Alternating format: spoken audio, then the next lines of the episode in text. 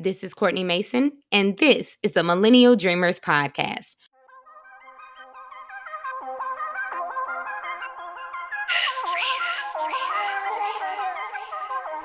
Hey, hey, friend. I hope you are doing well. I'm doing sensational. Happy July 1st. We are starting the month off right. This is my birthday month, so, you know, I'm all about July, Leos. It's, um, it's about to be our time. So, shout out to all of you.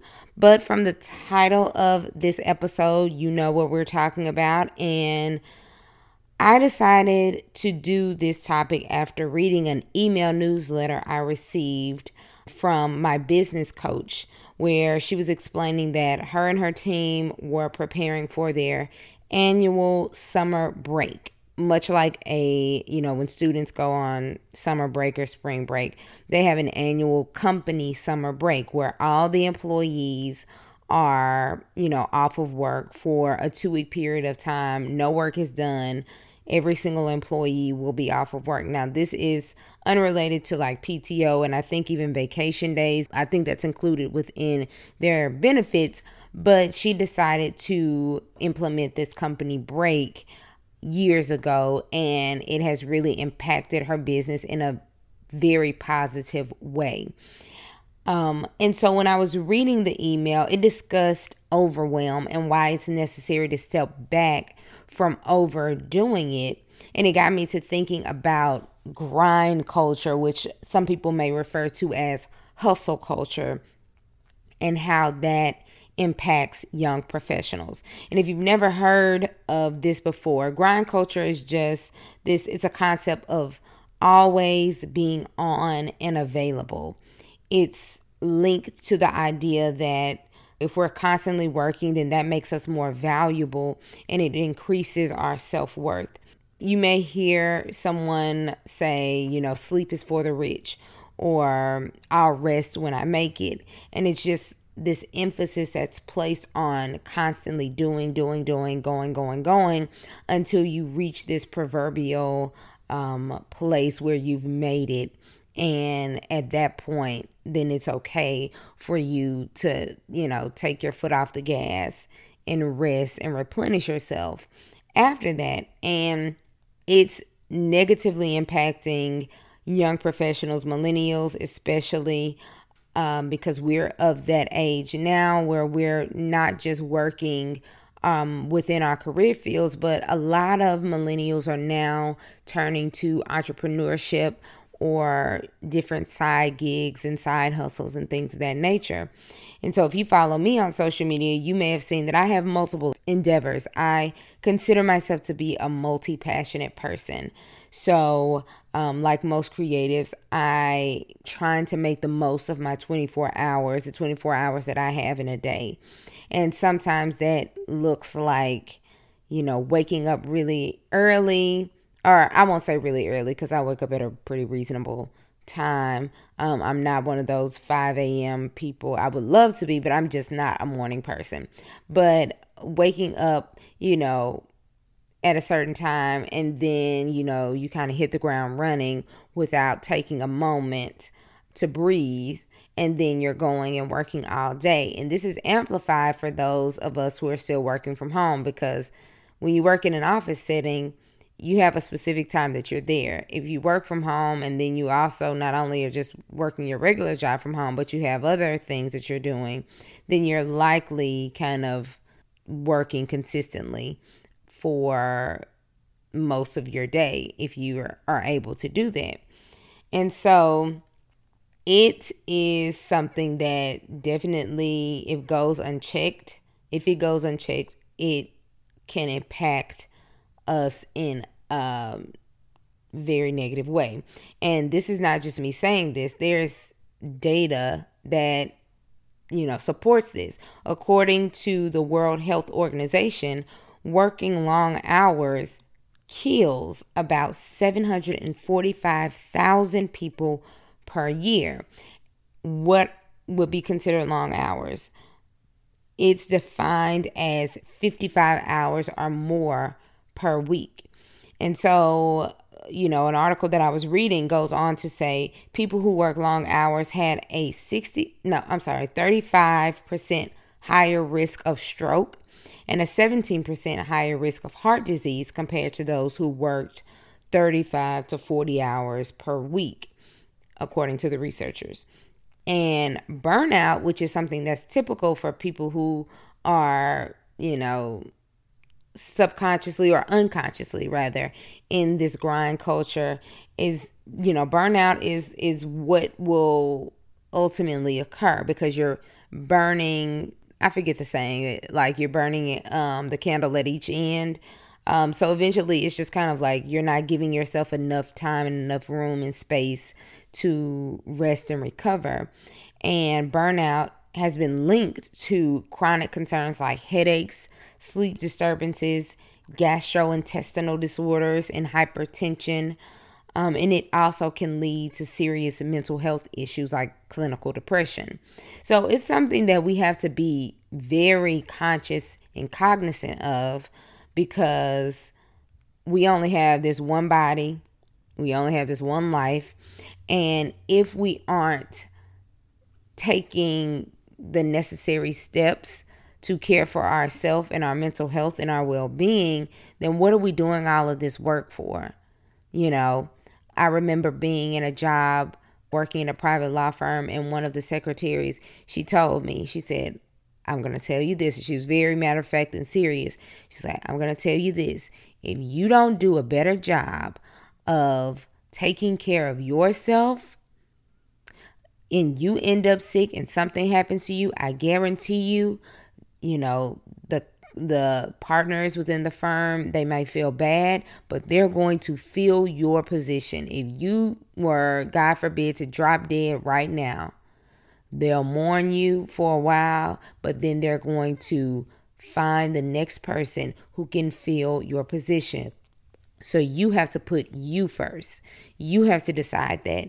And I was a young attorney, so I needed to hear those things because in my mind, I didn't have you know, room to step back. I didn't have room to say, okay, I need a break from this, or no, I'm not going to work till midnight in the office and then come right back here at eight o'clock in the morning, meaning I don't have a life outside of this job. So, in any event, I wanted to talk about what are some of the signs related to grind culture or hustle culture and how can you break free from this kind of behavior or avoid it altogether if you see that you're going down this path. So, some of the signs that you may be falling into it is that you're tired all the time. You just never feel like you have enough energy, you're sleepy, and you just feel lethargic and sluggish when you are moving about the day also you're not engaged in the work that you're doing. Um maybe on your regular job if you're going to an office you might be doing the work but you're really not engaged with it. It's just kind of like all right i have to get this done and i really don't care about it. You're just kind of unfocused also you are becoming negative and cynical about the work that you do. You're like i don't want to be here anyway because it really doesn't matter. What i'm doing is is not important. Or if it's related to your side gig you might be saying okay well i'm doing all of this and i'm not seeing any progress. You know i'm not generating income from it like i thought i would be or it's not affecting anyone or impacting pe- because people aren't listening buying engaging in what it is that i'm doing so, those are some of the things that you might see happening. And even in your body, if you're feeling like pains in your body, that could be a sign that you might be holding stress in your body because you're so wound up because you're just trying to go, go, go, go. Um, what you can do to kind of free yourself from it and alleviate some of this is uh, first you want to if you find yourself becoming unfocused after you've been working diligently for some time like you've, you've been at it and focused allow yourself time to rest. And rest can mean leaving your phone leaving your computer somewhere and taking a walk having a conversation with a loved one or something just having a phone call. It can mean sleep Sleep is important. Sleep is not just for the rich, sleep is for everyone because we need it to replenish ourselves and our brain needs sleep. We cannot focus and function if we haven't had adequate sleep. So you need to allow that to happen. You know, some people are when we are home and we are able to take naps. So if you're able to take a nap, do that if you feel like it's necessary for you to get back on track. But if you're at the office, you know, maybe just go run and get some lunch away from the office. Or if you brought your food, go walk take a walk outside for a while. Um, just remove yourself from your office space and whatever it is that you're doing. Don't just sit there and continue to check your emails or play on your phone and different things like that. Allow yourself time away from the screen. Um, it can also include practices that will emphasize being still and quieting your mind, such as meditation or yoga, which is also a form of meditation, um, but it allows you to move your body and stretch and get stronger. I love yoga, and that's something that I've started to do more of. It's like in the morning, I will get up and allow myself enough time before I check any emails or anything like that. I'm coming downstairs, turning on my, you know, virtual yoga class, and I'm doing that. I'll get myself a cup of tea and just enjoy that before beginning the work process. So consider a practice like that. Um, if you enjoy running, some type of physical activity, if you, you know, I said walking before, but if you can run, if you can ride a bicycle, something that gets you outside that allows you to just like get some fresh air. If you enjoy cooking, take some time to cook or read a book for leisure. One thing um, that I just said to myself before I started recording was that I need to get back to reading one of my Toni Morrison books that I started, but I stopped like last year. I think last year I read about six or seven of her books in a matter of three months. And it really helped me to stay grounded and focused because I would just get lost in her books. I'm like lost in her words and the way she wrote is just so beautiful. And for me, that was my escape from focusing on all the things that I wanted to get done. So if you enjoy reading, I recommend leisure reading as well. Another thing you can do is be realistic with your to-do list. You know, what are the absolute priorities? What are some of the things that you can be laser focused on for a specific amount of time? remove the distractions that will prevent you from staying on track with getting things done and being focused and save things that are unrelated to the absolute priorities for the day save the rest of it for the next day like i will sometimes sit and just make these long to-do lists and i'm just thinking in my mind oh i can do this i can get all this done in a day and when i inevitably don't i feel like, dang, I didn't get all the things that I on my to-do list. And it's like, well, you probably shouldn't have put all of that on your list anyway. It was unrealistic for you to think that you and you alone could get all of these things done. So I had to continuously tell myself that.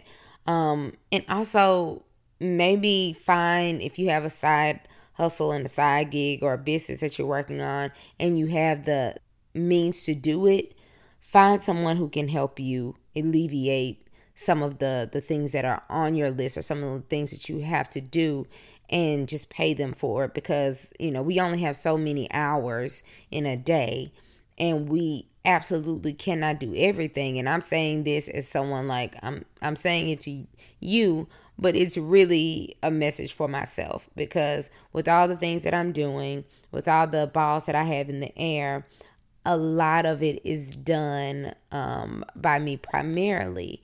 And I will have freelancers help me with things here and there, but I have not yet cracked the code of finding someone who I can be, um, who can work with me consistently and be on my team.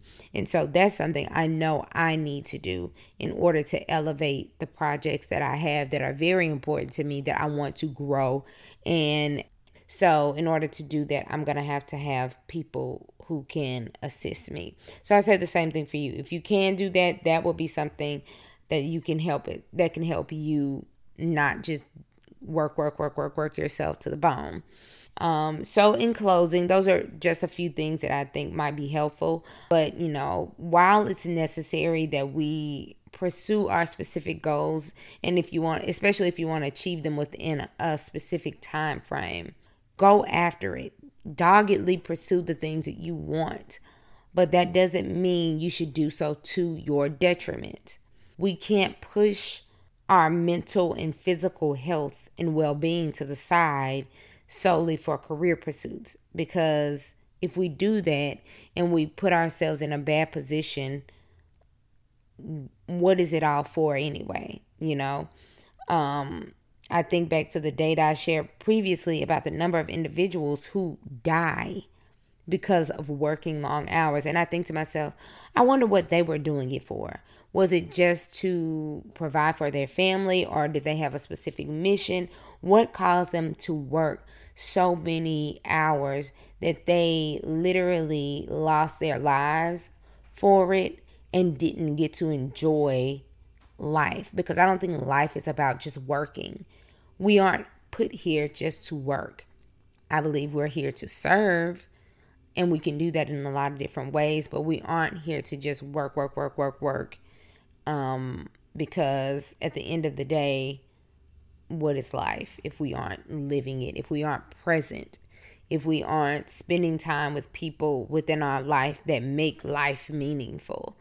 those are the things that are important. So, um, this was an episode that I needed to to get out because it's a, a message for myself, and I hope that it's something that will be helpful for you. And if so, please share it. Again, I always, as I always say, I appreciate you for lending me your ear time and time again. And as we continue to go through summer, I hope you have a great weekend. And until next time, peace.